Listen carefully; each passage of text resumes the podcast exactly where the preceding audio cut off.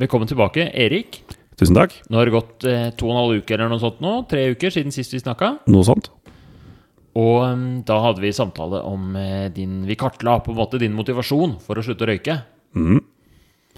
Og det siste som skjedde, var at um, For de som ikke har hørt den episoden, så anbefaler jeg å høre den først før du hører denne. Men um, i hvert fall Nå er det ny dag, nytt blanke ark, og så er jeg spent på om du har tenkt noe siden sist, og hvordan det har vært, og hvordan det var å være med sist, og om du har prata med samboeren. Det har jeg. Uh, ja til alt, egentlig. Ok. Vi har god tid, så da er det bare å begynne å Ja. Det som du tenker er mest viktig først. Vi eh, fikk jo Eller det vil si, jeg fikk jo da lekse eh, med hjem, på en måte. Og sammen med min samboer sitte og drøfte og prate om eh, spørsmålene fra denne ambivalensfirkanten som du kom med forrige gang. Og det har vi jo gjort. Og så har vi da Og da oppdaga vi liksom litt at eh, de de inntrykkene som hun har, er jo også i stor grad inntrykk som jeg har, bare uten å vite om det. Sånn at eh, vi har fylt ut hele greia. Med, jeg har da fylt den ut med bare det nye, da. Ikke det vi snakka om forrige gang, for det antar jeg jo at vi allerede har på en måte behandlet, sånn sett. Men, eh, så det ligger jo til grunn. Det fins jo det òg. Ja, spennende. Jeg skjønte ikke helt hva du mente med inntrykkene hun har. Ja, eller Eh, Det, er litt i svarene hun gir på de spørsmålene, er jo i, i stor grad like mine, men hun har en del ekstra betraktninger som hun har kommet med, som jeg jo kjente da hun sa det, gjelder jo for meg òg. Det er bare at jeg var ikke klar over at det gjaldt. ah, Nemlig. Så det at dere diskuterte det sammen, så kom du fram til noen nye ting. Nettopp. Mm. Så da er det på en måte det som er perspektivet vi har øh, drevet med, da. Eh, sånn at eh, drøftebiten, når vi sitter og prater sammen, så, så tar vi et punkt, og så drøfta vi det litt, og så sa vi ok, men hvordan, eh, hva hvis du endrer perspektiv, hva hvis du, hva hvis du tenker annerledes på det på en eller annen måte? Og så kommer vi fram til noen nye sånne åpenbaringer, da, Ok, på et vis. Så det er jo ikke store greiene, det er små Det er ikke sånne store livsendrende åpenbaringer, det er det ikke, men noe småtteri ble det jo. Små åpenbaringer. Yep. Ok, få se hva du har um, La oss gå gjennom den firkanten da, i fred og ro. Ja, det er uh, fordeler ved den nåværende situasjonen. Fordelen ved å uh, fortsette å røyke. Så er det eh, Vi kom fram til at det å ha, kunne ha en pause, Mm. hvor du ikke nødvendigvis en sånn Nå er jeg på jobb, så jeg må gå og ta en pause, derfor må jeg røyke. Da altså, tar du en pause på jobb, så kan du gjøre noe annet, for så vidt. Men det, det er mer en pause i en mental eh, sammenheng, hvor du da gjør noe fysisk, du gjør noe helt konkret. Du går ut, og så skrur du av hjernen. Eh, og så klarer du på en måte å samle tankene på nytt, da, når de stormer. Så det er, og det kjente jeg jo her etter. Ja, det gjør jeg. Det gjør jeg absolutt. Det er noe som er veldig kjent for henne, men som jeg aldri har tenkt over. Ja, ok, Så for deg var det litt uh, nytt, egentlig, at den pausen er viktig for deg? Ja, den er på en måte del av behovet, da.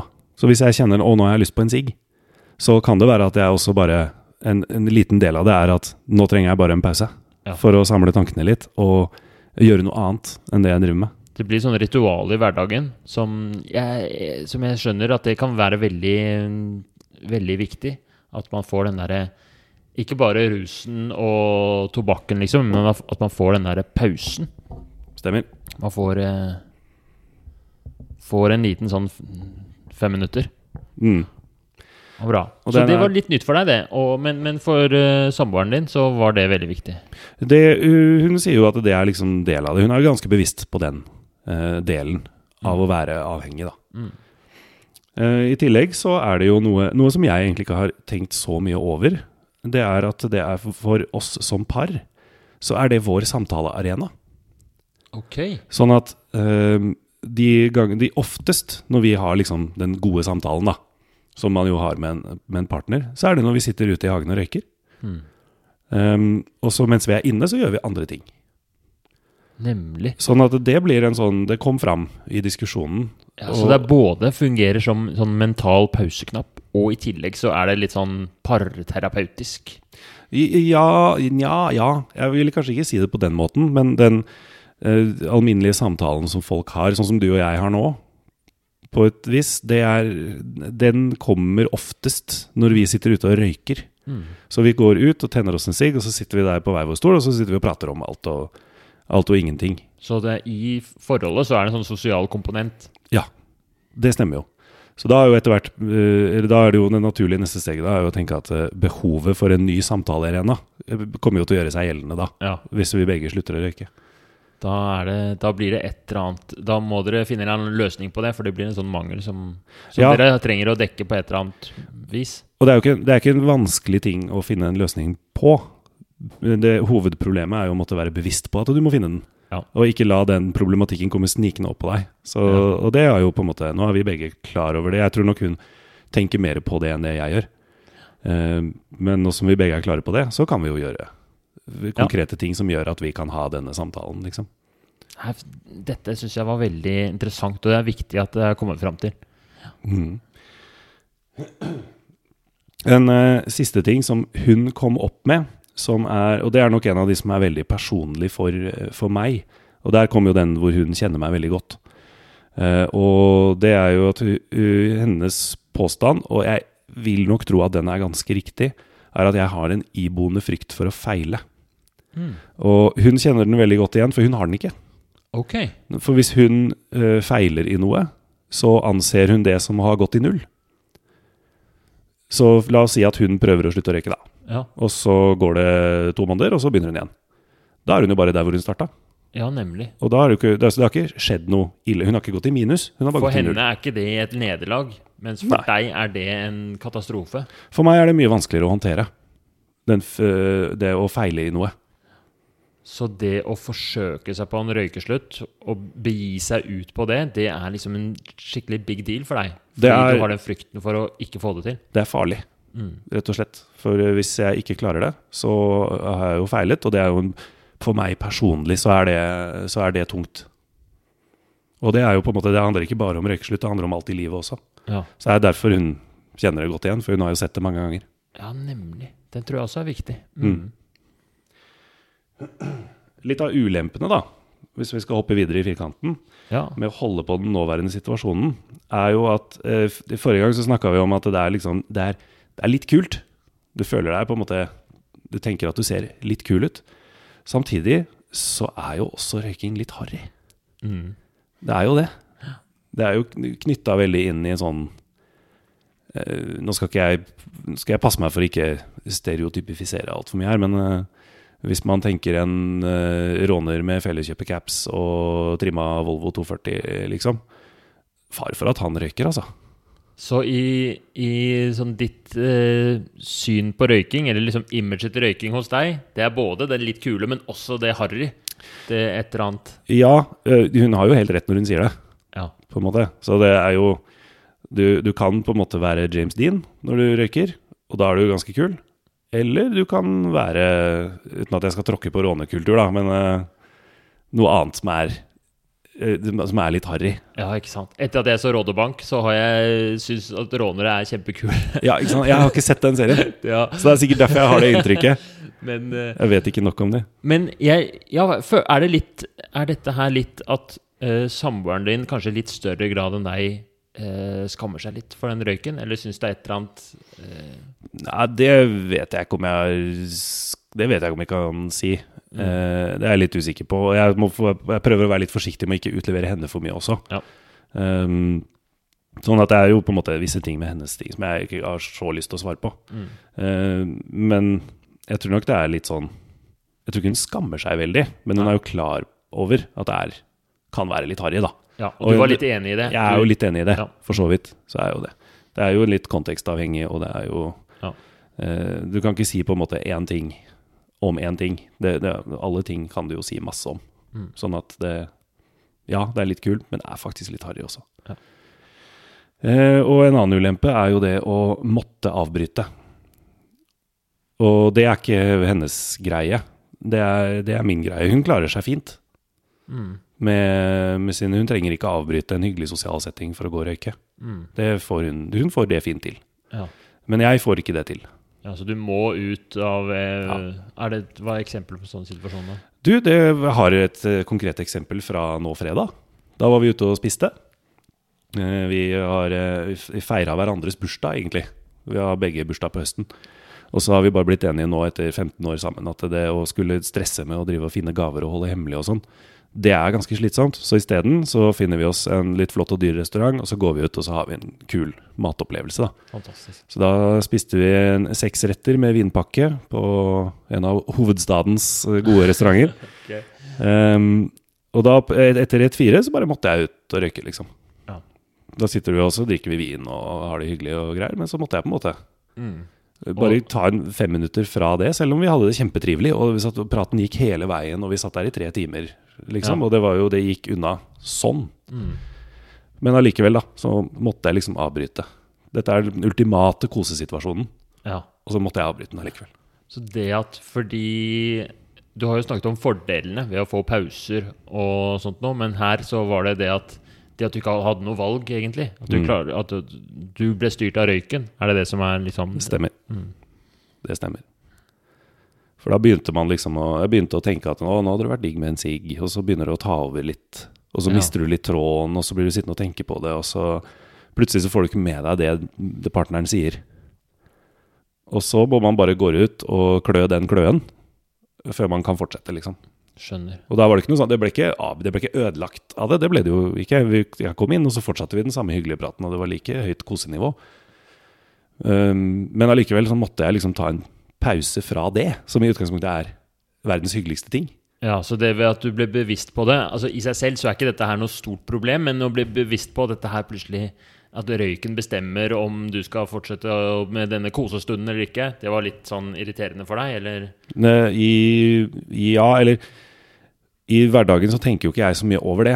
Mm. Jeg tenker jo bare 'nå er det tid for sigg', og så går jeg ut og gjør det, og så er jeg tilbake i dansen igjen etterpå, på en måte. Mm. Men det er jo helt klart en ulempe. Mm. Det å måtte avbryte noe Når du sier det liksom på denne måten som jeg gjør nå, da, så merker jeg jo hvor sinnssykt det egentlig er. Ja, at det føles sinnssykt. Hva Kan du si litt mer om det, hvordan den følelsen er? Hva du legger i det? Eh, Det, det er vel litt eh, bare det perspektivet jeg sitter med akkurat her og nå, da. Når vi sitter og prater sammen og jeg er nyrøyka og fin. Mm. Så Unnskyld. Så er det så Det er så lett å se hvor gærent det er når man har det bare så vidt litt på avstand. Ja. Og det var sånn Jeg hadde, tok en røyk før jeg kom inn hit, liksom. Nå har jeg vært her i kvarter, Ja. noe sånt. Og, og da er det på en måte det, Da er det helt logisk at vi skal ikke måtte avbryte noe som er Ja. hyggelig, for å gå ut og røyke. Mens gi det en time og halvannen til, så kommer den følelsen. At da, nå er det plutselig greit igjen. ja. Og da er den, den følelsen er veldig sterk og utenfor din kontroll. Ja, litt. Um, den tar over hodet på en måte, for du tenker så mye på det. Mm. Så det blir vanskelig å Sånn som på restauranten på fredag, så klarte du ikke helt å konsentrere deg om samtalen på et visst tidspunkt. Da måtte du ut og røyke. Mm. Det var litt sånn. Mm. Ok, hvis vi oppsummerer de liksom to første delene av firkanten, så har du på de fordelene ved å fortsette å røyke, så er det den derre pausen Mm. og det sosiale samværet som spiller en liten rolle. Og eh, Og den derre at du Det er trygt å fortsette, for da slipper du frykten for å feile. Nettopp. Slipper jeg å gå og bekymre meg for å ikke få det til. Ja. Men av ulemper som Sånn tilleggsulemper, da, for det her er jo tillegg til de som du Det er det. Var, var gjennom tidligere, så er det at du syns Du er- syns det kanskje er litt harry med røyking, og eh, det der med at du må avbryte ting som kanskje er koselig. At du Ja. Det føles Du sa sinnssykt på en eller annen måte. Det føles litt rart eller litt feil. Ja, det er jo kanskje et sterkt ord å bruke, men når jeg tenker over det nå Sånn som jeg sa, nå er vi all nicotined up. Nå Ja. er det alt greit, liksom. Så, og så ser man på den situasjonen utenifra, så, Mm. så er det jo en veldig rar ting å gjøre. Ja. Kjempefint. Skal vi gå videre til eh, de neste firkantene? Ja. Hva er fordelen med å gjøre en eh, endring? Og da, etter hvert som vi snakka om det, så, så Vi sa det liksom litt sånn køddent først, da. At uh, fordelen ved å slutte å røyke er jo alt. Det er bare fordeler. Mm. Ja, ja, og så, og så sier man det på en sånn måte sånn som uh, Åpenbart så er det alt, da. Alt det, alt det greiene, liksom. Ja. Som er en fordel ved å slutte å røyke. Men så etter hvert som vi liksom tenkte litt mer på det, så, så var det jo eh, som en Det er vanskelig å beskrive, men eh, det er en slags erkjennelse om at det er faktisk sant. Ja, at selv om Fordi det, det syns jeg er veldig interessant du sier, fordi ofte i sånne røykesluttsamtaler Så når man spør, så er det sånn Ja, det er ingen ulemper med å slutte, det er bare fordeler. Og så mm, Når man faktisk diskuterer det, så får man en opplevelse av at Oi, det var ganske viktig for meg, det var ikke så viktig. Og det er faktisk ja, så, Som du sier, da, den der, man får en sånn slags erkjennelse. Mm. Det tror jeg er en veldig viktig del av prosessen av å bli motivert. Eller i hvert fall det er det vi er ute etter når vi har disse samtalene. Er akkurat den da Men så spennende for å høre mm, For det er jo litt at det, de fordelene ved å ha den nåværende situasjonen og ulempene ved å gjøre en endring, de er på en måte egentlig ikke i så stor grad til stede. I hvert fall ikke sammenlignet med fordelen ved å gjøre en endring. Det var kanskje det vi kom okay. mest fram til. da. Sånn at eh, vi, vi kommer jo til det når vi går gjennom de neste punktene også. Eh, men en, en annen ting som uh, hun gjorde meg oppmerksom på, var å oppdage Altså, når man slutter å røyke, så vil man etter hvert kunne oppdage begrensninger man ilegger seg i livet sitt, som man ikke visste at man gjorde. Og hun brukte da et eksempel på det. Sånn at hvis, vi, hvis hun f.eks. var og så etter leiligheter hvis vi skulle flytte, eller eh, hoteller hvis vi skulle ut og reise, eller noe sånt noe, så var det det skal være balkong der.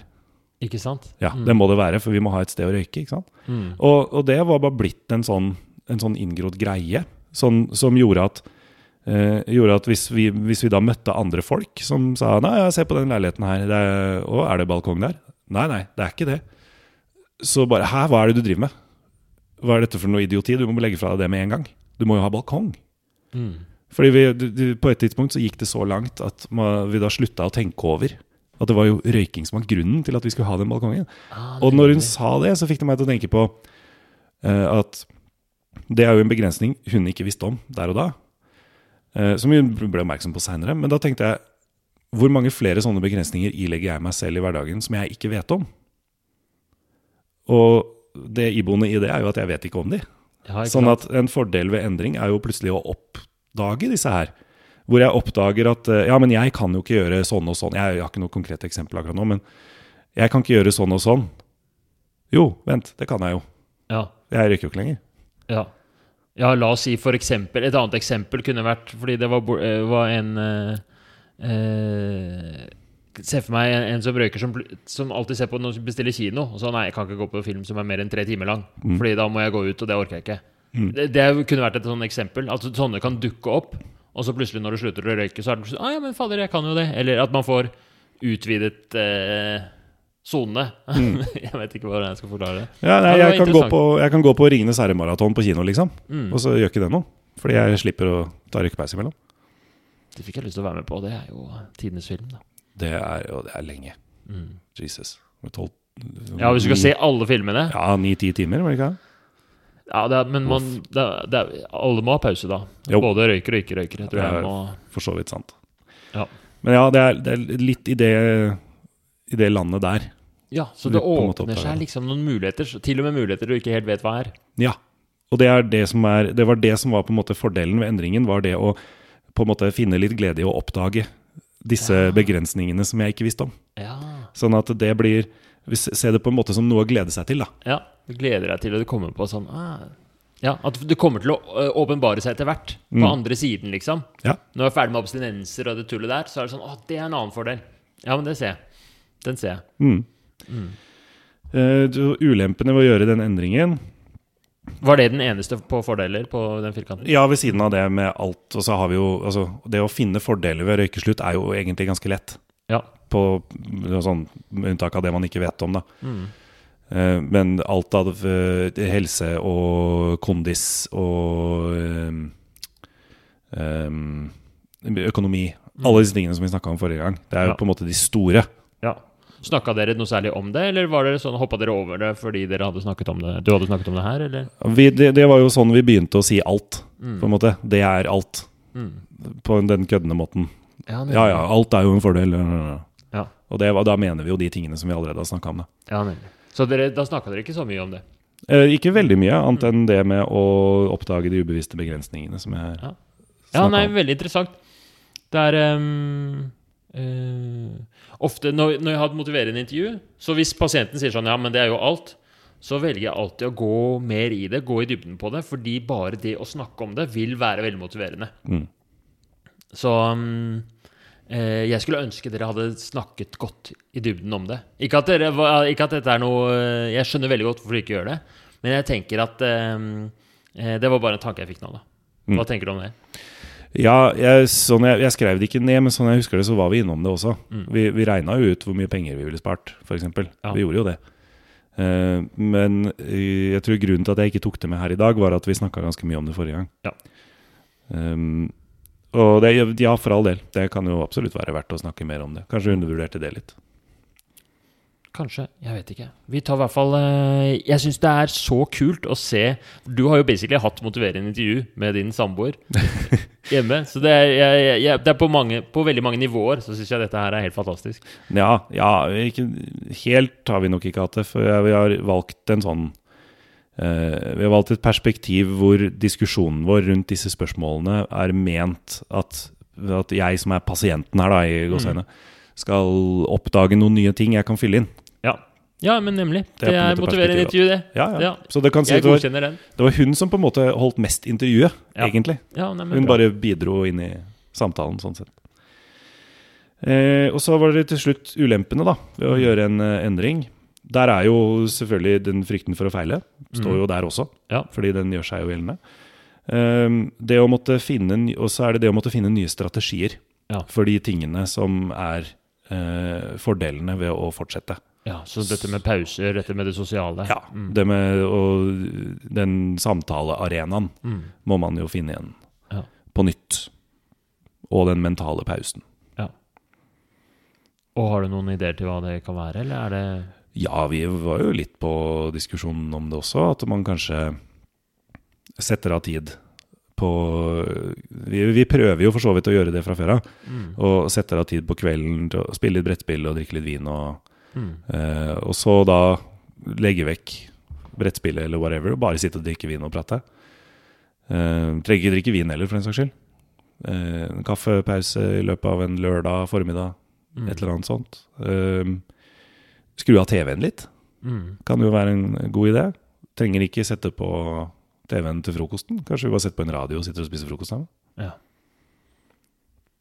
Så det er jo, det er en, vi er veldig klar over en del ting som vi kan gjøre. Så det å ha samtalen har gjort at jeg allerede har begynt å tenke på litt sånn løsninger på det, liksom ulempene ved å gjøre en endring. Nettopp. Det å finne eh, den mentale pausen, det er jo kanskje litt vanskeligere igjen. Mm. Jeg vet ikke. Er, jeg har ofte brukt uh, TV-spill som mental pause Mm. oppover i mitt liv. Um, og så er jo ikke det nødvendigvis Det går jo an å spille sammen, da. Det er jo klart. Det kan vi gjøre. Mm. Litt, liten runde Mario Kart eller noe. ja, fantastisk. Det er en, både en pause, og så er det sosialt. Mm. Ok. Hvis vi tar og oppsummerer nå, da, eller hvis vi prøver å Hvis jeg spør deg nå, hvordan føles det Først, hvordan føltes det å ha den samtalen med samboeren? Hvordan, hvordan var det? Hmm. Um, det var jo en konkret oppgave som vi måtte gjøre, så det var ikke noe sånn Jeg hadde ikke noe spesiell, spesielle følelser, eller i hvert fall ikke noen sterke følelser knyttet til det, da. Eh, det er jo klart at eh, det er kjedelig når hun forteller meg om min frykt for å feile, og så har hun rett. Ja. Eh, Så det å møte seg sjæl i døra er jo aldri spesielt gøy, men vi har jo vært sammen så lenge, og jeg kjenner jo henne veldig godt, og jeg har jo veldig tillit til Jeg har veldig stor tillit til eh, det hun mener og sier. Sånn at det, det gjør liksom ikke noe å få høre det når det kommer fra henne, da. Fordi da har hun gjort en vurdering, og så har hun tenkt nøye gjennom det, og så er det basert på mange, mange år med samboerskap. Mm. Sånn at det, det blir ikke sånn Det blir ikke sånn voldsomme følelser ut av det. Nei. Selv om vi kanskje er uenige om noe. Eller hun sier et eller annet som kan være kjipt å høre. Hvor motivert er du nå, da? Hva, hva, hva vil du, liksom? Mm, jeg vil jo Hva jeg vil Jeg vil ikke helst slutte å røyke, da. Det er jo derfor jeg er her. Um, hvor motivert er jeg til å slutte å røyke? Det er jo Veldig vanskelig spørsmål. Seks av ti, kanskje. Jeg er ikke supermotivert, men jeg kjenner jo at de pratene her hjelper jo, da. Um, så nei, jeg, jeg vet ikke. Det syns jeg var et vanskelig spørsmål. Her, Ja, det skjønner jeg. Så hvor viktig sånn Hvis vi deler inn da, i det motivasjonen, deler vi ofte inn i det ene, som er viktigheten. Så hvor viktig er det for deg å, å slutte å røyke nå? Det er jo viktig. Mm. Det, det må jeg jo si at det er. Ja. Så jeg vil, jeg vil kanskje gå så langt som å si at det er ikke veldig viktig. Det er ikke superviktig. Eh, men det er viktig. Ja. Så Så det er viktig for deg. Den er høy. ja, åtte av ti, da. 8 av 10. Hvis man skal si det Ja. konkret, liksom. For noen så kunne den vært på fem av ti, men for deg så er den åtte av ti. Ja. Og grunnen til at den ikke er på fem, det er Jeg merker jo på kroppen da Ja. at det begynner å haste nå. Du merker på kroppen at det begynner å haste. Ja. Det jeg sliter mer og mer med røykoste. Det har jeg gjort det siste halvåret. Ja. Og da, da får du den, når du får den jevnlige påminnelsen, Ja. så tenker man jo mye på det. Så hver gang, du, hver gang du begynner å få en sånn hostekule, så, så er det en kjip ting som motiverer deg til å ville slutte. Eller som øker viktigheten, liksom. Ja, øh, den, den er en påminnelse Mm. om hvor farlig det egentlig er. Og så den andre. Så det er viktig for deg. Du kjenner det på kroppen. Og på den andre siden så er det dette med mestringstilliten. Og her kommer vi inn den der frykten for å feile. da, ikke sant? Mm. Hvor stor tro har du på at du kan få det til? Eller at dette blir noe du kan liksom klare å gå gjennom? Um, forrige gang var jeg veldig lav Ja. på den, uh, men nå etter å ha på en måte Det er vel litt den følelsen av å ha jobbet med det, da. Ja. Å ha gjort noe konkret Ja. for å prøve å ta steg i retning av endring. Mm. Uh, det hjelper jo litt på den mestringstilliten. Så den er nok litt høyere nå. Så både den forrige samtalen, og så har det gått litt tid, og så har du hatt en samtale med samboeren din nå. Det har hjulpet litt på den. Mm. Så nå er ikke den på én, eller hva det var sist? Før, før jeg kom hit forrige gang, så hadde jeg jo ikke noen sånn tanke om at jeg skulle slutte å røyke på et visst tidspunkt. Jeg hadde en tanke om at jeg skal slutte å røyke en eller annen gang. Ja. Mens eh, nå har jeg begynt å på en måte kjenne litt på hva hvis jeg klarer det før jul, liksom. Wow. Uh, hadde ikke det vært fett? Mm. Eh, og så heller prøve å tenke på det på, på den måten, da, istedenfor å være Istedenfor å si 'hva hvis jeg ikke får det til før jul'? Det, det må jo være dårlig. Å ja, sånn, ja. For det er, At du har Istedenfor å være i forsvar, så er du litt i angreps eh, nå? Ja, litt. Mm. Og det gjør det jo også Det gjør det jo på en måte litt lettere å tenke på det. Altså Jeg tenker på meg selv som en framtidig ikke-røyker nå. Ja. Det, er, det har jeg ikke gjort før. Ah. Jeg har bare tenkt at på et eller annet tidspunkt i mitt liv skal jeg slutte å røyke. Um, for det er sånn vi har prata om det hjemme de siste fire årene, kanskje. Tre-fire årene. Og så Og så har jeg bare tenkt at ja, da skal det skje en dag. Og så har det bare vært sånn abstrakt og obskurt langt ut i framtiden, da. Mens nå har jeg begynt å se det litt mer. Mm. På en måte, Det, et- det fins et sterkere bilde av Veldig. mitt framtidige meg som, som ikke røyker. Ja. Bildet er klare. Det bildet likte jeg veldig godt. Bilde av et bilde. Mm. Så du ser det klare for deg, den eh, endepunktet, liksom. Mm. Herlig. Så mm, det høres jo veldig bra ut, da. Men hva tenker du at vi skal gjøre nå, da? Hva, hva ville vært hjelpsomt for deg? Hmm. Jeg er ikke helt sikker. Det, jeg, lik, jeg liker jo Jeg er en sånn fyr som liker veldig godt å få konkrete oppgaver. Ja. Det syns jeg er veldig stas. Ja. Så om det finnes en Jeg klarer ikke å se for meg hva det skulle vært, da. Nei. Men hvis det finnes en konkret oppgave der ute som ville tatt meg liksom til det logiske neste steget, Mm. så hadde jo det Det er jo litt den bedagelige i meg som snakker om nå. Mm. Uh, som vil på en måte finne den enkle løsningen. Ja, men du vil ha oppskriften, på en måte. Du, vil, eh, du er ikke interessert i Og noen er jo veldig sånn Nei, jeg vil gjøre det på min måte. Jeg skal finne opp hjulet her, liksom. Mens andre er sånn Bare gi meg en oppskrift som funker, så er det bra nok for meg. Jeg har prøvd på min måte, jeg. Det virker ikke. Den er grei. Ja, vi kan jo prøve å få til det. For jeg spurte deg forrige gang om du hadde noen eh, ønsker Om det var noen sånn, sånn råd eller noe sånt noe du ønsket. Er det kanskje det det går på? da med sånn, At du ønsker Fordi det er, det er mange som lurer på det. Hva, hvordan burde en sånn konkret plan være? Er det noe du lurer på, liksom? Mm.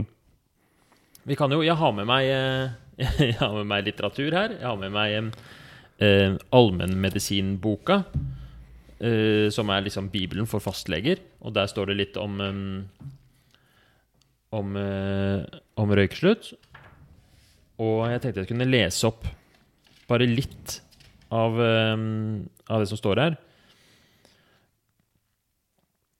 Um, så, eller i hvert fall hvis du er interessert, da. For det er en, et poeng, som, eller et råd, som gis til mange, som jeg lurer på du, hva du tenker om, som vi ikke har snakket om i det hele tatt, det er at i forbindelse med røykeslutt, så mm, er det det som gir Det som i sånn forskningen sier at gir best resultater, det er hvis man gjør en røykeslutt eh, altså under en viss oppfølging.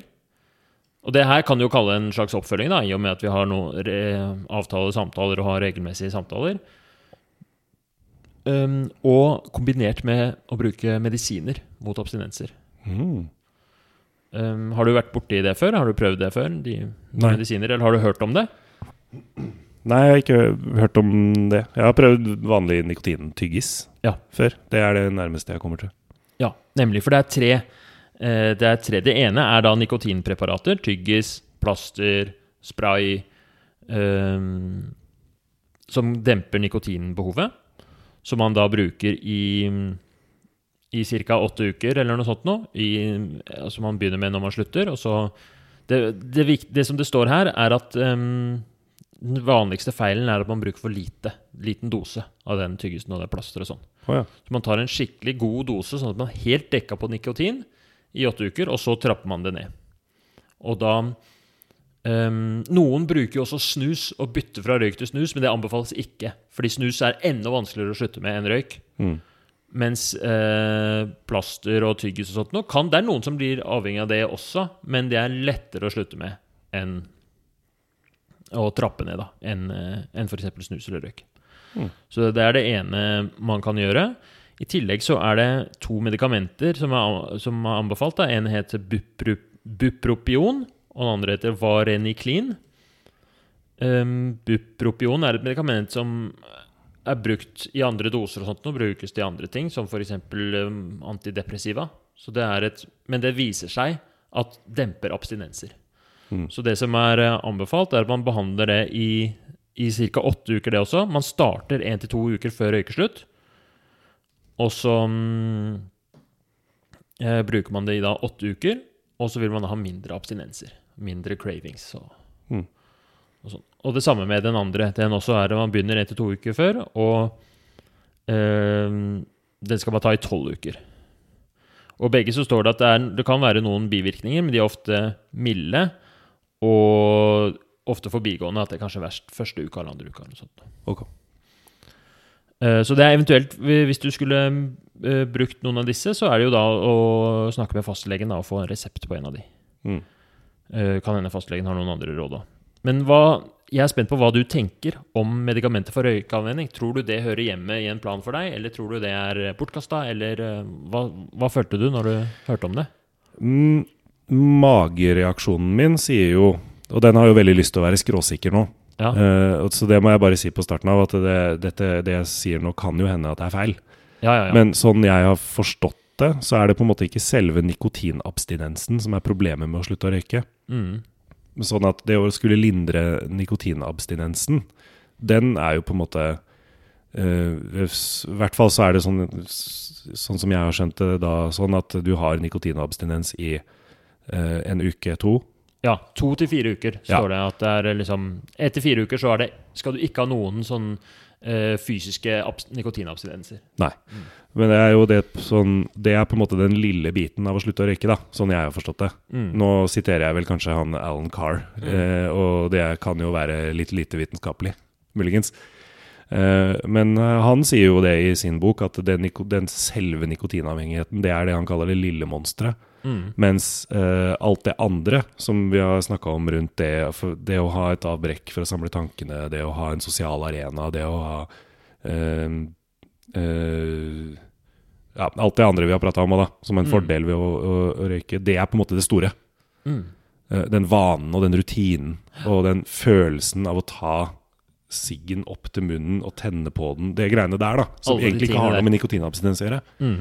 Det har med bare vaner, rutiner og en annen type avhengighet, da, Ja. nærmest. Det syns jeg er en veldig smart måte å dele det inn i. Og, og tenke på det på. Og, og ved å konkretisere det og se at eh, her er det flere eh, på en måte ting som må adresseres ved et eventuelt røykeslutt. Både nikotinabstinenser er én ting, men også den derre det at du trenger en pause iblant. Eh, en ting som ikke vi har snakket så mye om, er at veldig mange bruker eh, røyk for å regulere følelser. At man tar det hvis man er stressa. Vi snakka kanskje litt om det forrige gang, men at man eh, Eller hvis man er lei seg. Eller at det kan komme La oss si du opplever et eller annet eh, eh, Litt sånn der Ikke traumatisk, men et eller annet voldsomt. Et eller annet kjipt. Får en nedtur i livet. Og for mange er liksom røyken et verktøy der. Å å ha tenkt på disse tingene på forhånd tror jeg er det aller viktigste. Og for deg, hvis du tenker at um, nikotinabstinensene ikke blir så veldig vanskelige, uh, så kan det hende at det ikke er nødvendig å gå i gang med disse medisinene. Nei, men samtidig så kjenner jeg nå også når jeg prater om det, at uh, nå er jeg i ferd med å gjøre en feil jeg gjør ofte, som er å undervurdere deler av det.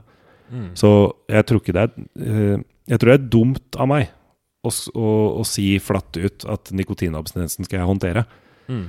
Uh, selv om det da finnes en slags konsensus om at den er ikke det verste å drive med, så skal man jo aldri undervurdere det allikevel. Ja. Sånn at det å, det å gå på noen medisiner eller noe tyggis i en eller annen eh, kontrollert form eh, er, eh, Jeg tror ikke det er dumt, altså. Mm. Og det er jo ikke sånn at Det er ikke sånn at det tar vekk noe hvis jeg gjør det, heller. Det blir ikke noe Ingen skade skjedd, på en måte. Nei, det er ikke farlig. Det er ikke eh, Det er ikke Altså, det kan koste litt penger, men ikke en brøkdel i forhold til det det koster deg å fortsette å røyke, Mm. osv. Mm. Så ok, vi lar den uh, ligge litt, for det er flere um, uh, jeg, kan, jeg kan lese opp. Det er flere råd også. Uh, skal vi se Nå må bare den gjenkjenne ansiktet mitt her. Sånn. Dette her er fra um, Norsk helseinformasjon, bare en sånn side på nettet som jeg, jeg, jeg har som, som har veldig gode Det er de samme som ligger på, på, på, hos Helsedirektoratet, men her var de formulert veldig sånn tight. Så deres råd skal jeg gå gjennom, og så kan vi ta en etter en hva du syns om det, og om det passer for deg eller ikke. For dette her er jo generelle råd for generelle befolkning, og det er ikke sikkert at uh, at disse er relevante for deg, da. Men eh, det står på mm, Det er både råd på Det er tre deler, liksom. Det ene er på for, forberedelsene. Det andre er liksom sluttedagen. Og det tredje er eh, angående hjelpetilbud. Så det er tre råd på hver, da. Så på forberedelsene så står det at halve suksessen ligger i å planlegge røykeslutt. Det er jo ganske sterkt eller bastant påstand, da, men Det er enig. Ja. Men om du i dag bestemmer deg for en sluttedato to til fire uker fram i tid, har du gode muligheter for å lykkes. Så det er jo også sånn generelt. Eh, så det er ikke sikkert at du er på et sted hvor du bør avtale en sluttedato, men det å sette sluttedato, sier de, er halve suksessen. Mm. Hva tenker du om det? Um, det, jeg syns det gir mening, egentlig. Um, og så er det noe med å Det er noe med når helsemyndigheter går ut og sier at det er sånn, Mm. så er jo vi som folk veldig, veldig likende til å tro at eh, ja, da er det jo sant. Og jeg har en sånn opplevelse av at litt av nøkkelen til å lykkes med akkurat røykeslutt, og det finnes sikkert mange andre eksempler også, er det å tro litt på at det. Mm. Det du snakker om med, med mestringstillit, er det det dere kaller det? Eh, Det heter, det heter liksom noe litt annet i pedagogikken, så jeg er vant til det som eh, forventning og mestring, tror jeg vi kaller det. Ja, ok. Mm. Kult. Så, mm, så for deg, så du tenker det er et godt råd. Så når du Ja, den er bra. Det var det jeg lurte på. Mm. Um, så kommer den som jeg syns var veldig interessant her. Fram til sluttedagen skal du bare røyke utendørs eller på et bestemt sted inne. Ta ikke med deg kaffekoppen, avis eller telefon når du skal røyke. Det hjelper deg å bryte mange vaner og trappe ned litt på røykingen frem til du slutter. Hva tenker du om den? Du, Det er pussig at du nevnte det, for det tenkte jeg på på bussen på vei hit. Ok? At, eh, for jeg bare satt og drodla litt med ideer om hva skal liksom være den neste oppgaven og sånn. da. Og den neste oppgaven, eh, da var det, fikk jeg en sånn idé om å endre røykearenaen. Ja. Sånn at jeg har jo faste punkter i løpet av en dag hvor eh, jeg går et visst sted og tenner meg en røyk. Og det beste eksempelet på det er når jeg er ferdig på jobb. Mm. Og da er det jo sånn at jeg er såpass Altså I og med at jeg jobber i en barneskole, som jeg nevnte forrige gang, så må jeg jo unna litt før jeg kan røyke. Det som er problemet mitt, er at jeg bor ikke så langt unna. Sånn at på veien Jeg kan ikke røyke på vei hjem, Fordi da risikerer jeg å møte elever. Ah, For de bor i samme område. ja, nemlig. Um, sånn at det jeg pleier å gjøre, er at når jeg er ferdig på jobb, så går jeg ut i skogen bak skolen, og så får jeg meg en røyk. Og så kan jeg gå hjem. Aha. Så det er en del av Det er blitt en sånn rutine Nemlig. som jeg gjør, da. Eh, og det å på en måte bryte den, kanskje at man begynner der Ja, det er ikke. Du får ikke lov å gå ut i skogen og røyke mer, Erik. Det, nå er det slutt på smugrøykinga rundt skolen. Eh, Sånne type ting. Så det, er jo, det harmonerer jo veldig med det Ja. jeg har tenkt selv. da Ja, jeg syns det harmonerer. Det er kult at du liksom intuitivt har kommet fram til egentlig det som var rådet her. Uh, hva tenker du om den? Fordi vi snakket i stad om dette at røyking for deg var forbundet med snakke med samboeren, og også fortalte du om den der deilige stunden med kaffekoppen og røyken på morgenen. Mm. At uh, fordi da, Når du forteller om det, så, så får man jo, skjønner man jo at det er et ganske Det er et stort, blir et stort savn. Så hvis man, før man slutter med selve røyken, at man røyker fortsatt, men at man slutter med det, sånn at man istedenfor å røyke sammen med samboeren, røyker hver for seg, og at du tar kaffekoppen hver for seg med røyken på morgenen uh, hvordan, hvordan ville det vært? Det ville jo vært eh, veldig rart. Um, jeg er litt usikker på Ja. hvor inngripende det egentlig ville vært Ja. i, eh, i hverdagen. Mm. Um, for jeg er jo Altså, jeg sitter jo også lenge. På morgenen i dag satt jeg nesten en time ute med kaffekoppen og rakk gjennom tre-fire sigg og eh, noen runder med Hearthstone, liksom, på mobilen. Um, Eh, Fantastisk spill, by the way. Jeg har spilt masse selv. jeg koser meg ganske mye med det. Jeg gjør det. Ja. og- Nok om det. Videre. Men det er jo Altså, det gir jo mening, da. Og så er det en konkret ting å gjøre. Og det liker jeg jo veldig godt. Mm. Fordi det er, det er veldig, veldig konkret. Ja. Det er, du gjør sånn, sånn og sånn, og så har du klart det, på et Mm. vis. Da har du klart den oppgaven. Mm. Uh, så jeg tror det er det jeg liker best med det. Ja. Og det er derfor det, det, det, den har en slags sånn appell til meg som gjør at jeg kanskje ikke ser på det som så inngripende i mine rutiner og min hverdag. da. Ja. Fordi det er så ekstremt konkret. Det Ja. er ikke noe abstrakt ved det i det hele tatt. Ja, vi får se. Men det er i hvert fall eh, Det er et råd Sånn generelt så appellerte det rådet til deg ganske kun. Så det er både det å sette en dato og å bryte opp noen av disse vanene i perioden frem til den datoen. Mm. Er liksom i forberedelse. Og så det tredje rådet har med mm, det viktigste for å lykkes er motivasjon. Hvorfor vil du slutte å røyke? Ehm, og så kommer det liksom Ønsker du å bli friskere? Ønsker du å få det lengre? Bla, bla, bla. Det, her, det er jo ting som vi har gått gjennom her. Mm. Så den tenker jeg er dekket, liksom. Eh, man kan jo tenke seg at man kunne gjort en sånn runde til da, med, med akkurat når du har, Nå har du den firkanten. Det er et fantastisk verktøy for å gå gjennom og finne fram til ambivalensen og for å styrke motivasjon. Mm. Og eh, det virket jo som av den viktigheten Ved å snakke om, snakke om det med samboeren, så økte det Økte det mm, Økte det viktigheten og motivasjonen litt for å slutte. Mm. Um, men så på sluttedagen. Er du klar for den? Mm. Skal vi se. Råd nummer én. Alle abstinensplager som du kan oppleve etter at du har sluttet å røyke, går over, bare du ikke røyker. Det vanligste er å føle seg svimmel, ukonsentrert, rastløs og i dårlig humør. Se plagene som et tegn på at kroppen repareres. Kast alle sigaretter og alt røykestyr, ikke ta et eneste trekk. Dersom du røyker av og til, blir du aldri kvitt røykesuget. Det er verst de første to til tre dagene. I løpet av to til fire uker er abstinensplagene over for de fleste. Hva tenker du om den? Det var kanskje litt sånn åpenbart, det der med at man røyker av Sånn som jeg har hørt Når du har snakka, så er du veldig klar på at det er enten alt eller ingenting, liksom. Ja, det er eh, ja, jeg, Uten at jeg har veldig mye erfaring med røykeslutt selv, så kjenner jeg jo folk som har en del erfaring med å ha prøvd å slutte å røyke og ikke fått det til. Og det de fleste av de sier, er jo 'jeg slutta å røyke i et halvt år', og så var jeg på fest en dag og tenkte 'ja ja, det gjør jo ikke noe'. Mm. Og så fikk jeg meg en festrøyk, og så var det i gang igjen. Ja. Og det er på en måte Så hvis, hvis jeg skal slutte å røyke, så er det Da er det Da må jeg slutte helt. Ja. Det vet jeg med meg selv. Ja. At eh, hvis jeg, hvis, jeg, hvis jeg begynner å festrøyke og sånt, så er jeg på igjen etterpå. Mm. Da er- kjøper jeg en 20-pakning på mandag, og så er vi i gang. Så det er klar på det at jeg må Da blir det ingenting. Da blir det ingenting. Skal jeg ta det neste? Eh, De, de første ukene etter røykeslutt kan blodsukkeret være ustabilt, og derfor er det viktig å spise ordentlig og regelmessig for å ha det så bra som mulig. Fire måltider og mellommåltider, som f.eks. frukt eller knekkebrød, anbefales. Tenk over hva du spiser om du er redd for å gå opp i vekt. Drikk mer vann enn du pleier. Ved røyksug hjelper det også å drikke et glass vann. Husk at et røyksug bare varer i noen minutter. Vær fysisk aktiv. Det kan lindre abstinensplager og motvirke vektoppgang. Her var det jo veldig mye, da. Men uh, hva tenker du om det som sto der? Um, jeg tenker jo at det med å være fysisk aktiv, det jo jeg generelt vært veldig dårlig på i livet. Ehm, det å gå og ta seg en joggetur, liksom, det er ikke noe ting jeg gjør. Jeg drar ikke på trening, jeg gjør ingenting sånt. Um, jeg går hjem fra jobb, på en måte. Det er, så, det er det mest fysisk aktive jeg er i løpet av en dag. Annet enn å være lærer, da, naturligvis. Da er det, da er det en del som dukker opp. Um, men så er jeg, jo, jeg er jo overvektig òg, ikke sant?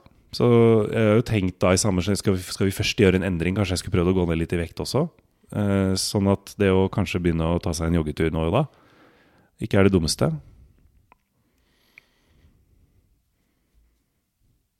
Mm. Det var interessant. Jeg bare ble stille fordi jeg måtte tenke litt. Um, på den ene siden så eh, gir det veldig mening, det du sier. Og um, jeg opplever ofte at når folk har satt i gang og gjort endringer, så blir det plutselig lettere å gjøre neste endring.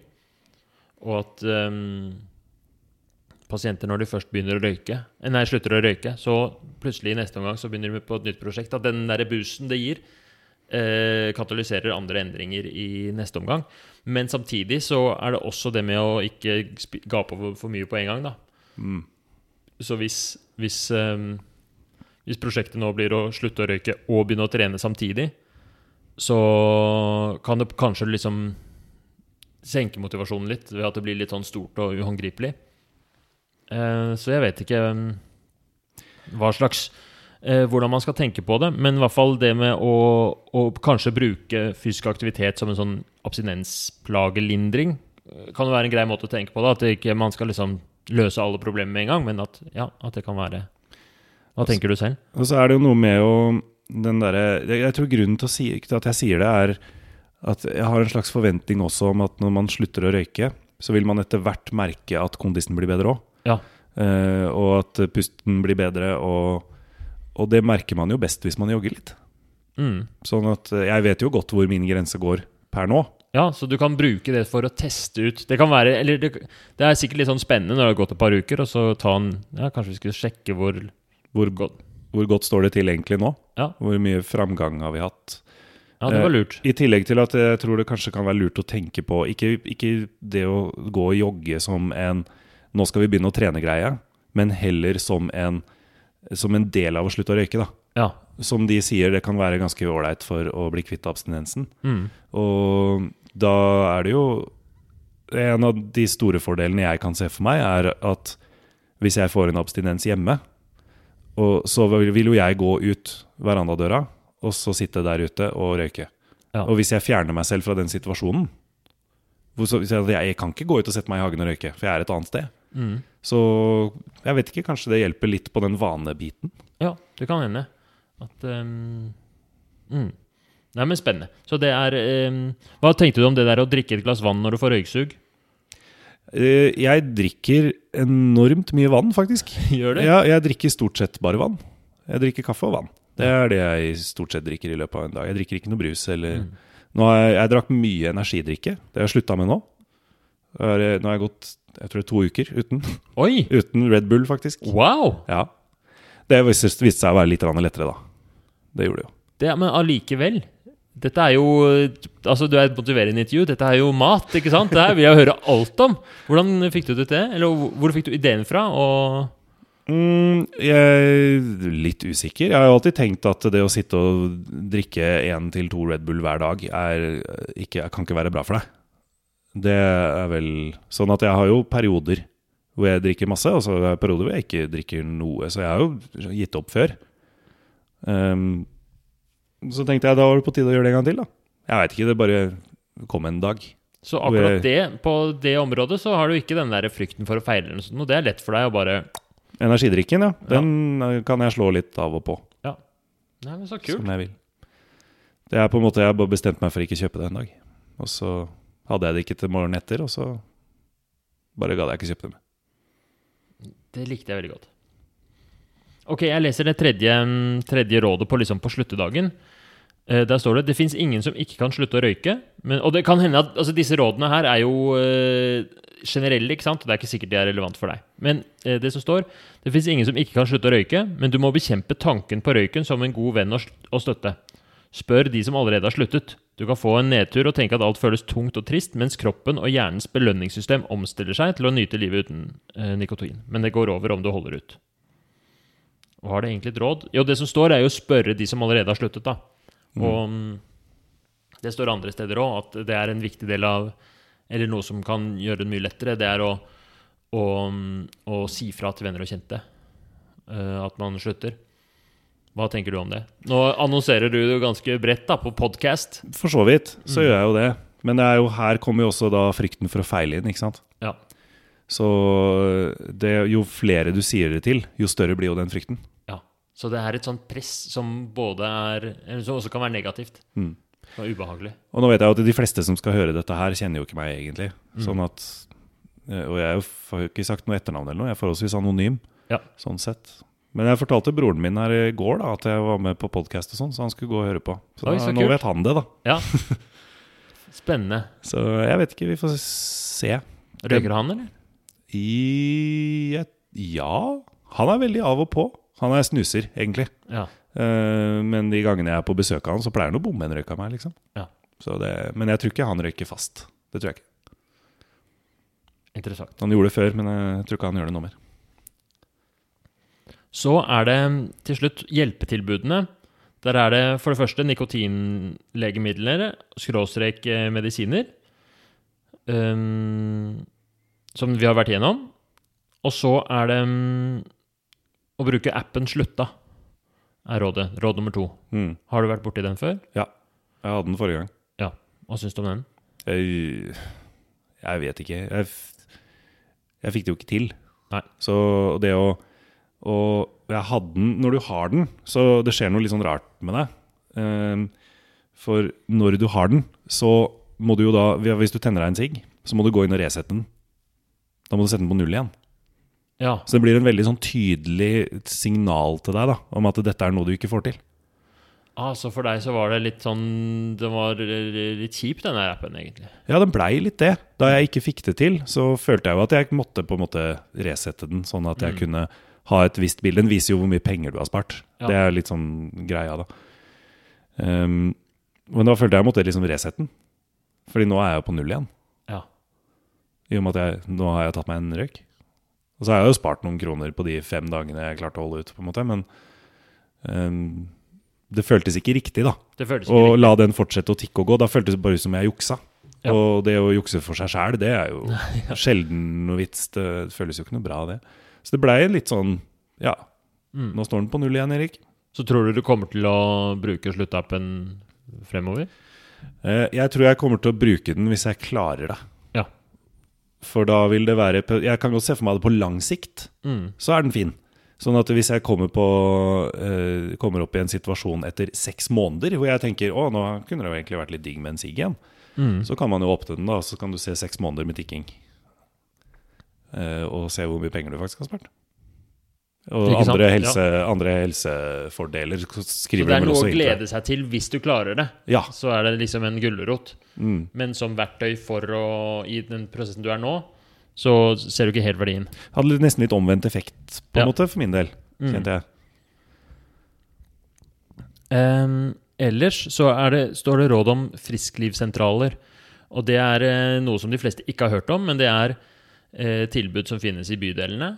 Så i, de, i din bydel så vil det også være et tilbud som har eh, sånn røykesluttkurs. Mm. Som man kan melde seg på. Da er, er man en gjeng da, som er på det kurset, og så er det eh, sikkert motiverende intervju og sikkert eh, eh, litt sånn forskjellige forelesninger og sånt noe med noen eksperter. Og så blir man en liten gjeng som slutter sammen. Mm.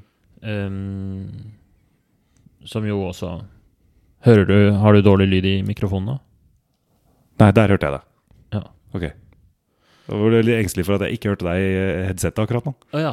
Nei, men jeg, jeg er her, jeg. Jeg, Ja. jeg, tror, eh, jeg tror lyden er god. Mm. Hva tenker du om sånn eh, å, å dra til en sånn frisklivssentral og melde deg på et røykessluttkurs? Oh, eh, magereaksjonen min vil jo da si eh, Nei, det er ikke noe for meg.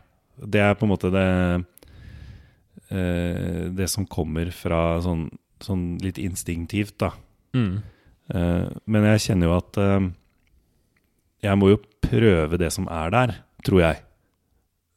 Så det å skulle si nei til et tilbud, det føles dumt, da. Når vi sitter Ja. og snakker om det nå, i hvert fall. Ja. Um, samtidig som magefølelsen jo sier at uh, jeg vet ikke helt. Det var et eller annet med det som var skummelt. Ja, var- ja, jeg, Ja. det er vanskelig å peke på hva det er. Kanskje det er at ideen om det er litt sånn abstrakt. Jeg må Ja. gå på, se på nettet og lese meg opp litt først. Ja. Noe sånt, kanskje. Ja. Så ok. Eh, det siste er at det er en sånn Facebook-gruppe som jeg tror det er en, om det er eh, som, Det er Helsedirektoratet som har den slutta.no, og de har også en Facebook-gruppe hvor det er eh, liksom støtte til folk som slutter å røyke. Nå er det jo oktober. Da har de en sånn kampanje som heter Stopptober. Ja, det tror jeg jeg har sett, faktisk. Så ved å melde seg på der, så får man da sånne videosnutter og sånt noe um, fra folk som uh, er i røykesluttprosess. Mm. Som kanskje kan være motiverende. Og siste, det står ikke her, da, men siste rådet er jo eh, i hvert fall eh, som du har jo vært borti selv, er den der boka, da. Eller det er, det er jo flere bøker og, og sikkert masse på YouTube og podkaster og sånn òg, da. Med sånne ressurser hvor man ehm, Ja, den boka er jo litt sånn hypnotiserende, nesten. Veldig gjentagende. Veldig eh, og, og går veldig på det der psykologiske perspektivet. Det på å snu, liksom finne, finne fram til den bryteren i huet som skrur av om du er røyker eller ikke røyker, liksom. Mm. Um, du leste jo den boka en gang. Hvordan, hvordan var det? Hva, hva syns du om den? Um, det, var, det var deler jeg likte. Sånn, jeg ble veldig glad i denne lille monster, store monster-bildet. Og den, Mm. det skillet mellom den fysiske avhengigheten og den eh, psykologiske avhengigheten, da, nærmest. Ja. Uh, så den likte jeg ganske godt. Det, det var en Det virker for meg som en ryddig måte Ja. å sortere det på. Um, og så blir det da å prøve å bekjempe det store monsteret, er som er målet hans gjennom hele greia. Hvor han, han snakker om at det, det er som du sier, da. Han gjentar hele tiden. Hva er Mm. fordeler, eller hva er ulempene ved å fortsette å røyke? Mm. Um, og samtidig som jeg føler det er litt sånn uh, For den versjonen jeg leste, det var den vi hadde hjemme. Som min samboer fikk for 15 kroner på et loppemarked. Og det er, en, det er en annen versjon han har skrevet, som heter 'En likrøyker for kvinner'. Ok. Eh, hvor han da kanskje avslører at han er bitte litt eldre og bitte litt hvitere enn han burde ha vært hvis han skal skrive om kvinner. Ja, nemlig. Ja, eh, Han var så- ikke helt uh... Jeg leste ikke kapittelet om graviditet, f.eks. Ja. Um, men det er på et tidspunkt så, så sier han jo også da Ville du ikke heller brukt energi på å ta vare på hjemmet og oppdra barna dine framfor å drive og røyke? ja, ikke sant. Og da ble jeg litt sånn Ja, Ja. ok. Han er gammel. Han er, ja. men Og så er det en viss, Mm. det er en viss Jeg finner også en viss ironi da i at Alan Carr døde av lungekreft. ja. Han gjorde jo det. Ja. Selv om det jo- har jo ingen betydning. Nei. Selvfølgelig. Han, han var en røyker, og han slutta å røyke, og så skrev han bok om det, liksom. Ja. Og da er det jo Faren er jo der allikevel. Men det er likevel en slags Mm. Jeg husker jeg leste den boka og, og, og, um, og slutta å snuse for, for lenge siden. Eller det var da jeg leste den. Men den har virkelig Jeg syns det var veldig sterk på den derre De metaforene han bruker, og hvordan avhengighet fungerer, sånn generelt. Mm. Og jeg altså, det har formet øh, Det var første gangen jeg lærte om avhengighet på den måten. Og det synes jeg var Jeg, jeg syns egentlig alle burde lese den boka for å få et innblikk i hvordan det er.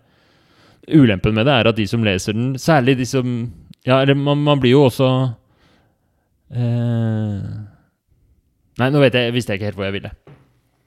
Nei, det er ikke en Altså, jeg skal ikke si at det er en, en, en bok som ikke kan hjelpe. Det skal jeg jo selvfølgelig ikke. Men det er jo klart at det er veldig lett å se en selvhjelpsbok og tenke Ok, dette er en selvhjelpsbok, det. Ja, Så det Selvhjelpsbøker har så dårlig rykte. Ja, det har litt dårlig rykte. Og så er det ikke nødvendigvis fortjent, det ryktet heller, da. Noen av de tingene du kan trekke fram fra disse bøkene, funker jo. Ja. Faktisk, som du sier. Finnes det altså, Det er jo egentlig så er jo det Altså, når Aristoteles uh, holdt på, liksom Hva var det han drev med? Han drev jo kom med selvhjelpsråd. Mm. Den gylne middelvei og bla, bla, bla. Nå kan jeg, jeg er, øh, min filosofi er jo ikke akkurat det sterkeste. Nei. Anyways, nå, For å oppsummere, da. Nå har vi snakket lenge om de forskjellige rådene som ligger ute der, som går på hvordan skal man gjennomføre en røykeslutt. Um, og det kommer på toppen av at vi har hatt forrige gang et langt intervju om eh, motivasjon for og imot. Um, og du, det er viktig for deg å slutte å røyke. Du er litt sånn usikker på hvordan um, Eller jo, det å gå, gjennom de rådene, hvordan var det for deg? Kjenner du på noe endring i motivasjonen av det? Jeg, det, jeg syns det hjalp ganske bra, faktisk. Gjorde det? Ja, jeg syns det. Fordi det er så eh, Mange av de rådene er så konkrete òg. Ja. Det er det som er, jeg kjenner at jeg sier veldig mye konkret og abstrakt i løpet av disse to intervjuene. Men, men det skillet mellom det tror jeg er ganske viktig å vite om. Ja. For det å slutte å røyke er egentlig en ganske sånn abstrakt problematikk, da. Ja. Fordi det er så mye som sitter utenpå den nikotinavhengigheten. Ja. eh, som ikke er konkrete, og som bare er mentale prosesser, egentlig. I hvert fall sånn jeg ser det. Um, og derfor så kjenner jeg at det å kunne gjøre konkrete ting som skal bidra til å løse dette abstrakte problemet, Mm. er jeg veldig fan av. Det er du fan av. Så Det det, å gjøre konkrete ting, det der å droppe den skogturen Ja. og sette en dato og de tingene der, liker du. Mm. Hva er det du er klar for å gjøre nå, da? Skal vi Skal vi, er, er, skal vi um, Jeg tenker at uh, idet du setter en sluttedato, så betyr det at da skal vi ha neste Det er også anbefalt sånn til fastlegen. Da, hvordan skal oppfølgingen være? Jeg tenkte vi kunne følge den oppskriften, for den syns jeg virka veldig fin. Mm. At er, vi har en samtale eh, En ny samtale to uker etter sluttedato. Mm. Når abstinensen er på sitt verste, liksom. Ja, nettopp. Eh, fordi da er det viktig å få støtte. Mm. Um, og at um, Eventuelt så kan vi også ha en samtale før uh, Før sluttedato, hvis du trenger det. Og um, hvis vi setter Ja. Men nå er det, det er du som må liksom bestemme hvor du er, og så er det viktig at vi, nå er vi motiverte. ikke sant? Vi må ikke gå for hardt ut her nå. Mm. Så vi må halvere ambisjonene litt. Det var det jeg jo satt og tenkte på nå, for jeg har sittet nå hele veien og tenkt liksom at uh, er vi kanskje der, at vi kan sette en dato? Mm. Um, så, men så kjenner jeg at det er litt sånn Det er jo det er veldig cocky å si. Ja. Det er på en måte det, det kan være noe med å ha en mikrofon i trynet som gjør at du bare har lyst til å si det for å, Ja. for å framstå sterk og kul, liksom. Ja. Um, så jeg veit ikke. Um, jeg er veldig usikker, faktisk. Hva syns du er um, Altså, vi har noen sånne steg som um, uh, det, det er liksom noen forskjellige måter å gjøre det på. Da. Det ene er å begynne med den Altså, det ene er sette dato, og så begynne med den bryte opp vanene. Det er liksom én måte å gjøre det på, som den derre FHI-måten. Eh, så har du melde deg på røykesluttkurs, Mm. som er en sånn Det er jo veldig konkret, og tror jeg er veldig virksomt. Og da slipper du å tenke noe mer på det fram til du møter opp på det kurset. Mm.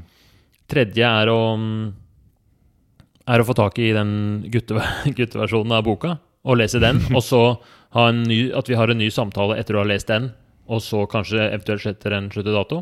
Mm. Um, hvilken av de syns du hørtes best ut? Uff. Og det tredje, Um. jo, fjerde er å, å, å bestille time hos fastlegen og eventuelt ha en samtale der. Eventuelt sette dato, eventuelt begynne med noe sånn medikament. Mm. Jeg ser for meg at det er det å prøve å få en time hos fastlegen. Kan, kan være det logiske neste steget. Um, men det er også rett og slett fordi da kommer det en dato på andre siden Ja. av det. liksom Sånn at du går ikke, hopper ikke rett til dato. Steg én, så dato. Mm. Uh, kan på en måte Kanskje det er det, da. For Ja. det, er no, det er som du sier, når vi sitter her og prater nå, så har jeg liksom bare Det er, det er så mye meg som har så lyst til å si 1. desember. Ja. Ikke sant? Uh, også, men så er jeg litt redd for Og så vet ikke jeg, da, om er, er det for å bare Er det for cocky? Fordi vi sitter her i denne sammenhengen her, hvor det å snakke om røykeslutt er det mest naturlige i verden. Eh, eller er det kanskje frykten for å feile Ja. som gjør at jeg si, ikke har lyst til å si den datoen allikevel? Eh, jeg veit ikke. Det er noen prosesser her nå som eh, summer og går. Ja. Det er, jeg tror det er veldig fint at de prosessene får gå uten at det blir for mye sånn eh, utvendig press. Så da syns jeg ikke vi skal sette um, sluttedato nå. Mm. Så vi heller vi, vi, I de tilfellene du er redd for å feile, det skal være det siste som skal skje nå, så vi Vi, eh, vi avtaler ny, en ny samtale, og til neste gang eh, så, så jobben din fram til det er å få en time hos fastlegen og for å høre om eh, resept på de medikamentene. Mm. Og eh, få fastlegen på plass, liksom. Så um, uh, Så tar vi det i, i første omgang. Mm. Og så um, Hvor lang tid er det ventetid? Er det hos fastlegen din? Så cirka? Jeg renner jo ikke akkurat ned døra hans, Nei. for å si det sånn. Jeg har vært eh, tre eller fire ganger hos fastlegen i løpet av de siste 15 åra. Ja. Så jeg er usikker Ja. på hvor lang ventetid det er. Sikkert tre-fire uker. Ja, det kan godt være at det er noe sånt, ja. Ja. Så hvis du mm, bestiller en time i løpet av denne uka her, og så sier du fra til meg når den er, og så tar vi en eh, samt, ny samtale rett etter du har vært der. Det høres bra ut. Så mm, det føltes, Hvordan føltes, føltes det som vi er sånn riktig sted motivasjonsmessig? At det passer? Planen passer til motivasjonen? Ja, jeg tror det. Det føles, det føles trygt, Ja. på en måte, da. Ja. Det føles ut For det, det Men det er jo um, Nå bare utforsker jeg litt den følelsen. For, men det å bestille en time hos en fastlege, uh, det er ikke så vanskelig, på en måte. Er, jeg er ikke så redd for å ikke få til det. Nei. Eh, sånn at det er, går tilbake til den frykten for å feile ting, da. At det er, en- her er det god sjanse for at denne oppgaven får jeg til. Dette får du til. Ja, Dette er Og da føles det greit. at du ikke får til. Ja. Kjempefint. Er det noen andre av de der små rådene som er sånn forberedende? Um, den der Facebook-gruppa, uh, de forskjellige tingene der, som du følte var noe å hente for deg? Ja, det, det kan jo være lurt å bare endre mindsettet med en gang, da. Um, og flytte, all, flytte alt det ekstra som er rundt røyken, vekk. Ja. Sånn at når jeg røyker, så øh, gjør jeg det uten å se på telefonen, f.eks. Ja, og begynne litt med akkurat det der rådet der. Det derre ehm, Få røyken til å bli sånn Prøve å gjøre røyken til en nikotinmaskin, og ikke til koble det til all mulig annen kos. Mm. Det er jo sikkert litt sånn Det er jo en ganske sånn mye abstrakt og mye sånn eh, Så, så det er ikke sikkert du får til helt perfekt. Men å ha det som en sånn eh, sidegreie i tillegg, det syns jeg hørtes smart ut. Det. Det går an å begynne å prøve på det. Ja. Uh, så det. Og det eneste jeg trenger da, er å vite at det gjør ikke noe å ikke få det til. Det gjør Det ikke må, noe å ikke jeg, til. det ja. må jeg si høyt. Ja, det gjør ikke noe om du ikke får det til. Mm. Det er, dette er noe du prøver på, Mm. og så får vi se hvordan det går. Mm. Så det er ikke skalloppgave, det er bare bonusoppgave. Hovedoppgaven er en fastlegetimen. Ja. Mm. Kan, kan lekser. Og skal... kall- Ja, ok. Må-lekser og kan-lekser. Må-lekser og kan-lekser. Perfekt. ja, men da har vi det. Noe til slutt, noen spørsmål eller noen Nei. Siste kommentarer. Har du noen råd til andre folk som sitter og røyker og Det, det hjelper veldig å snakke med Herman. Ja. Det gjør det. ja. Så hvis man eh, ikke har eh, en podkast å dra til, hvordan ville du Nei, jeg, jeg veit ikke. Det å, det å sitte med den firkanten her og prate med noen om den, mm. det, har, det kjenner jeg jo hjelper til litt. Og så er det noe i meg som på en måte har lyst til å si at uh, sånne litt uh, vitenskapelige modeller er Det er veldig lett å si at det er litt teit og litt pretensiøst, da, kan du si. Men det, det virker faktisk. Mm. Det funker å sitte og tenke nøye gjennom de spørsmålene på den måten de er stilt. Ja. Uh, og da det er ikke nødvendigvis sånn at det, det virker som en magisk løsning. Men eh, gjennom de to intervjuene vi har hatt nå, så kjenner jeg at det på en måte er, det er småsteg hele veien. Ja. Men når du har tatt ti småsteg, så er du jo kommet ganske langt. Ja. Så, og det kjenner jeg er veldig deilig. Det at det tar, det tar tid, og du skal ikke gjøre alt for fort. Det er veldig sånn type også. Hvis jeg skal ha en opp, jeg skal gjøre det raskt, skal gjøres med en gang. Skal gjøre det Mm. ordentlig. Sånn. ja. Uh, mens det, er, det virker jo ikke. Nei, det er fort gjort å bli utålmodig, Mm. og da Ja. Så, mm, så det Jeg er kjempeenig. Veldig glad for denne approachen vi har eh, fått til nå, og så håper jeg eh, Eller gleder meg til neste samtale. Det blir veldig spennende. All right. Da får du ha en fin dag videre, og takk til alle som hørte på. Hvis dere har kommentarer, spørsmål eller noe som helst, så er det å sende til Herman Egenberg på Messenger eller på Instagram. Og så har vi også en Facebook-gruppe med oppfølging, hvor dere kan eh, diskutere. Der er det av og til eh, det kommer eh, Det kommer eh, kommentarer eller rapporter fra folk som har vært gjest. Der er det eh, varierende aktivitet, men den kan man melde seg på og legge link i, i beskrivelsen. Right. Ha det bra. Ha det bra.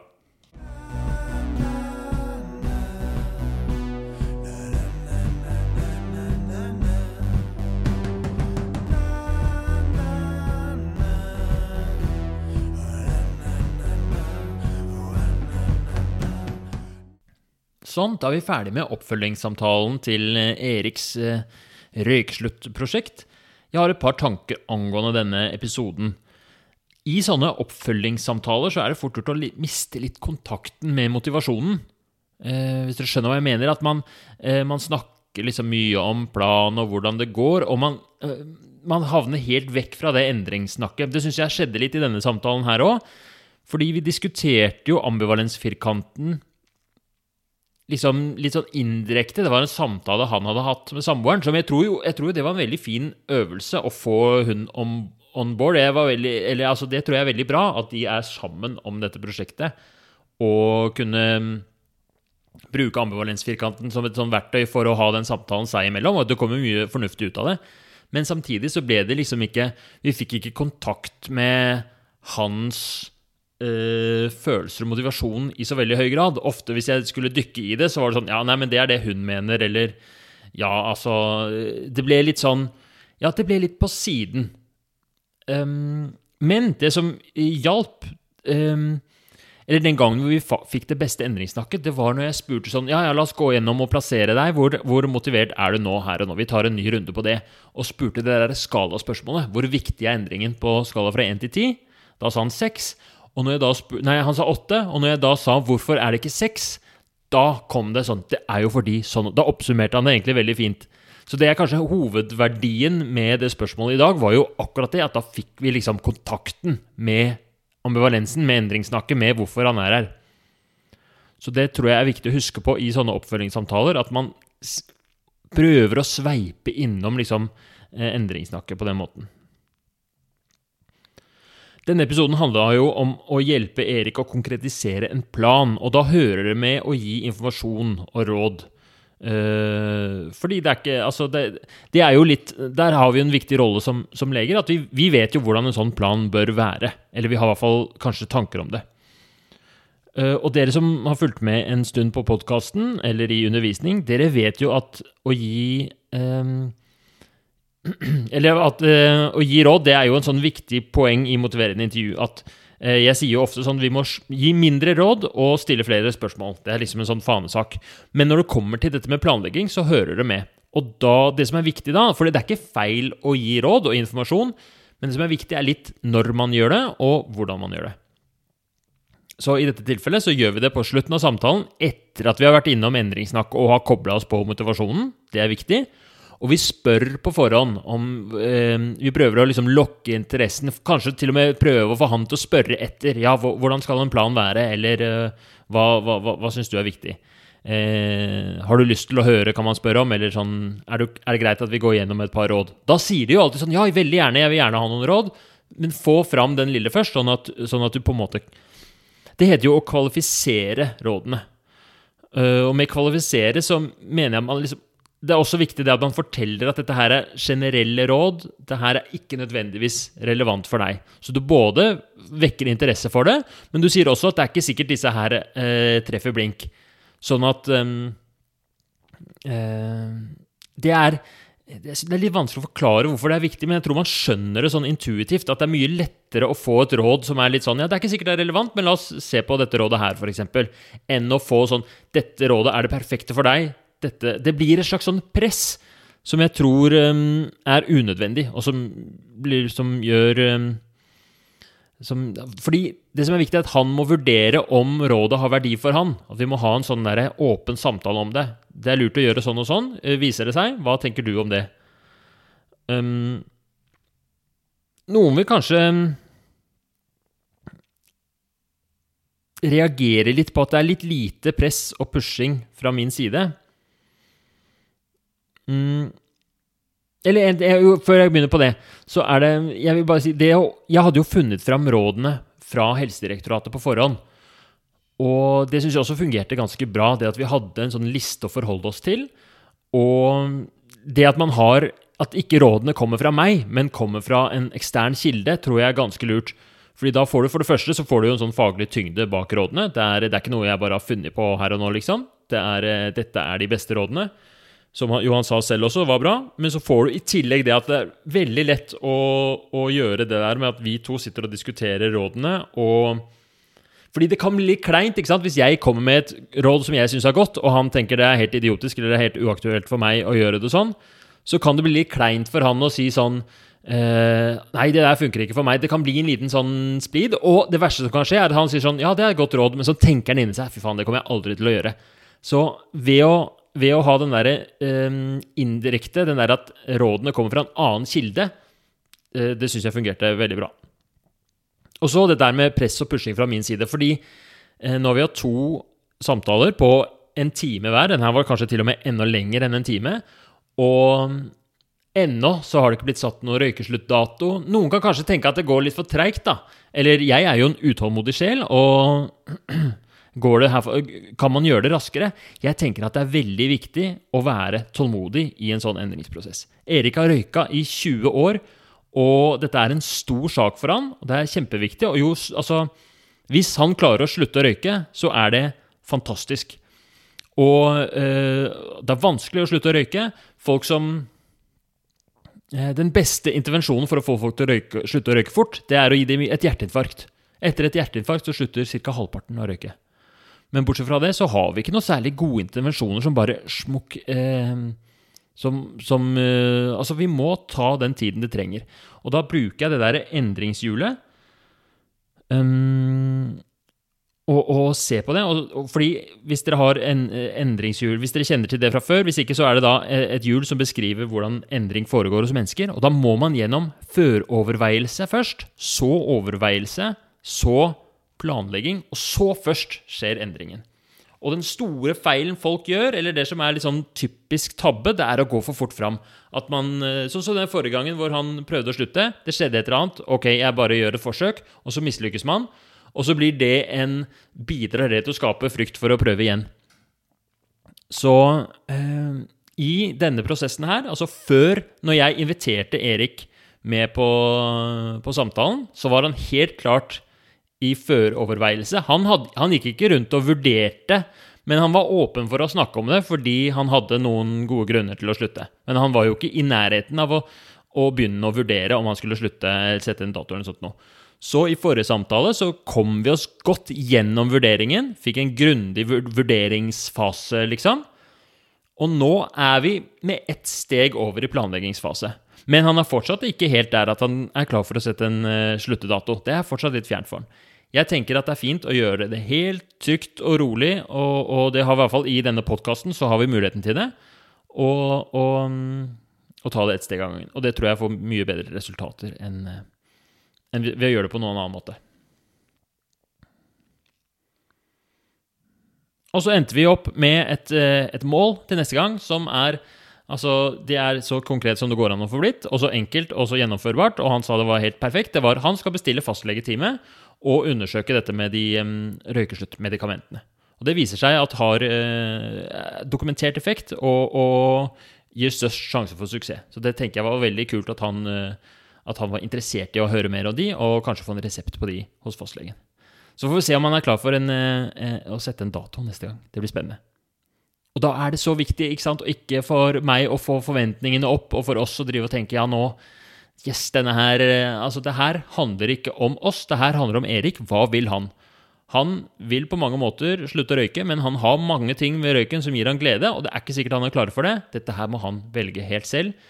Um, jo mer vi begynner å bli ivrige og dra i han nå, jo mer motstand kommer det til å oppstå, og det blir vanskeligere for han. Så vi må bare være helt cool og spørre ja, hva, hva vil du egentlig? Eh, vi støtter og, og syns det er helt konge at du, du, møter opp og prøver, og så får vi se hva som skjer. Ålreit, nå er det nok fra meg. Ha en fin dag videre.